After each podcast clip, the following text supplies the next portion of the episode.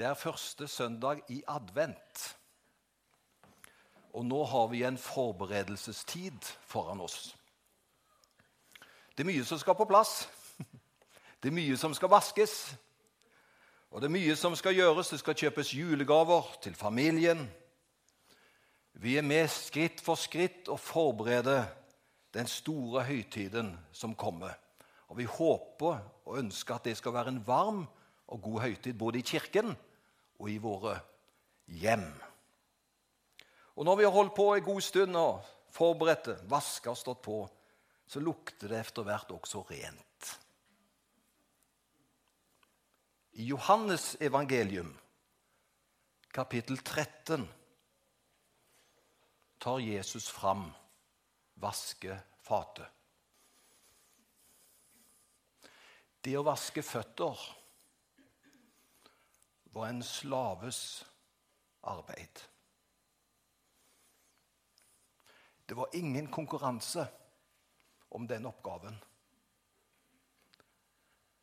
Det var de som var lavest av de lave, som måtte vaske de andres føtter.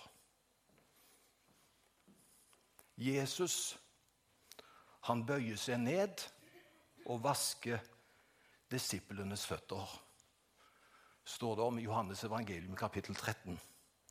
Og hør Jesus vasket ikke Gud sine føtter. For det måtte vel være stas om han kunne få vaske Gud sine føtter. Det var feilende disiplers føtter han vasket. Han viser med den handlingen hva som er det viktigste i vår tro, nemlig å tjene andre og bry seg om andre. Vi har sagt det flere ganger, men vi nærmer oss jul, det er advent. Tenk Jesus som var Gud, og som var i Guds himmel, foretok historiens største nedtur. Han kom ned til oss. Han tok på seg en tjenerskikkelse. Han gikk rundt og hjalp mennesker i nød. Og Da Jesus hadde vasket også Judas sine føtter, så avslutta han den beretningen med å si Jeg har gitt dere et eksempel slik som jeg har vasket deres føtter, skal dere vaske de andres føtter. Nå praktiserer ikke vi fotvask i Misjonskirka, så du trenger ikke være redd for det. Men det er en sterk symbolsk handling. For i Midtøsten måtte de gjøre det. Der var det så mye støv. Starta de på morgenen, så var det ikke gått mange timer før Beina var så tilsmusset av støv at skulle de komme inn i et hjem, så måtte de vaskes føttene. Og det var som sagt et slavearbeid. Jeg har gitt dere et eksempel. Og jeg vil si det på generell basis. Og legg merke til på generell basis så vil jeg si det. Politikk må være for de som trenger politikk. Det må være for de som trenger en forbedring i sin hverdag. Og da går det først og fremst på å vise nestekjærlighet, omsorg og hjelp til mennesker som har det vanskelig. Jesus har holdt en tale som han er blitt veldig kjent for.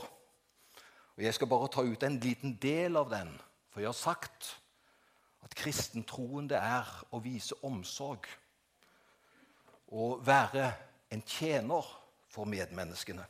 Og Han har en veldig radikal tale i Matteus 25. men Jeg skal lese de gode versene. For Det finnes alvorlige vers der, men jeg vil ikke ta de, for de gode passer så inn til hvordan Jesus var, hvordan han tjente, hvordan han løftet opp de andre.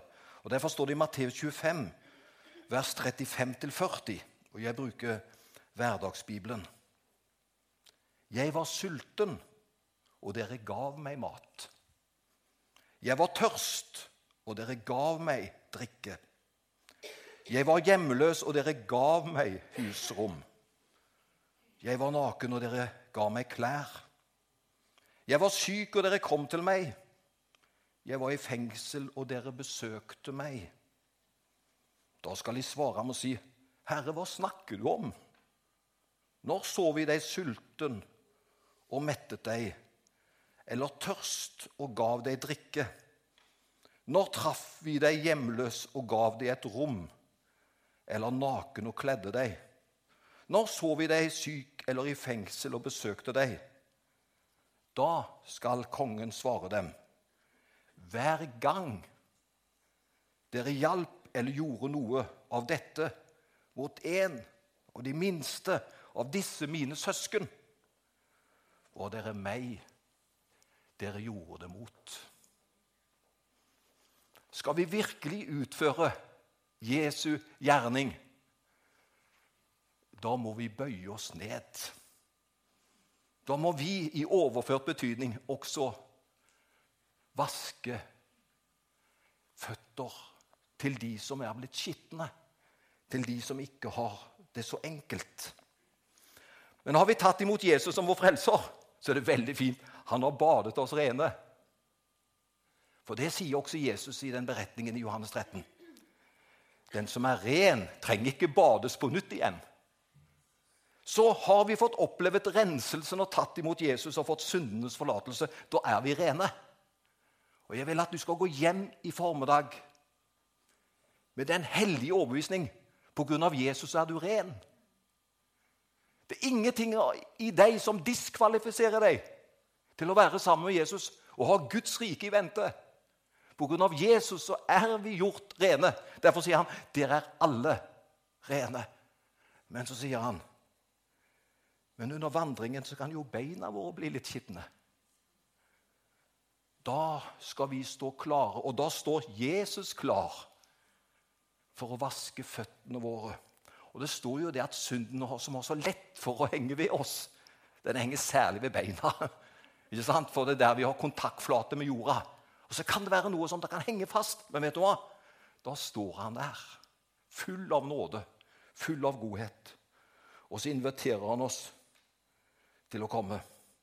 Han er klar alltid for å vaske våre føtter. Og Jesus har gitt seg selv som en gave til oss. Og nå skal vi straks gå over til nattverden. Og jeg må bare si jeg er blitt mer og mer glad i nattverden. Det var noen år for en del år siden hvor jeg lurte på egentlig hvorfor har vi det. For Det ble en sånn sedvane, men jeg må bare si hver gang så takker jeg Gud mer og mer. Takk for det vi kan få være med om i nattverden. Og så er det en predikant som har sagt det veldig godt. Han sa at nattverdbordet er ikke et premiebord. Tenk om det var premie vi skulle få. Da var det jo en som fikk førstepremien, og så var det en som fikk annenpremie, og så stoppet det etter tredjepremien. Det er ikke et premiebord. Vet du hva? Det er et, nåde, det er et nådebord. Det er et gavebord. Ikke bare i advent, men hele tiden. Vi kan få lov å komme på husets regning. Han har betalt alt. Og så kan vi få ta imot gaven og oppleve tilgivelse. Og Derfor er det så glad, godt at vi snart skal nå gå over til nattverden. Og det er fantastisk. Da kommer vi som vi er.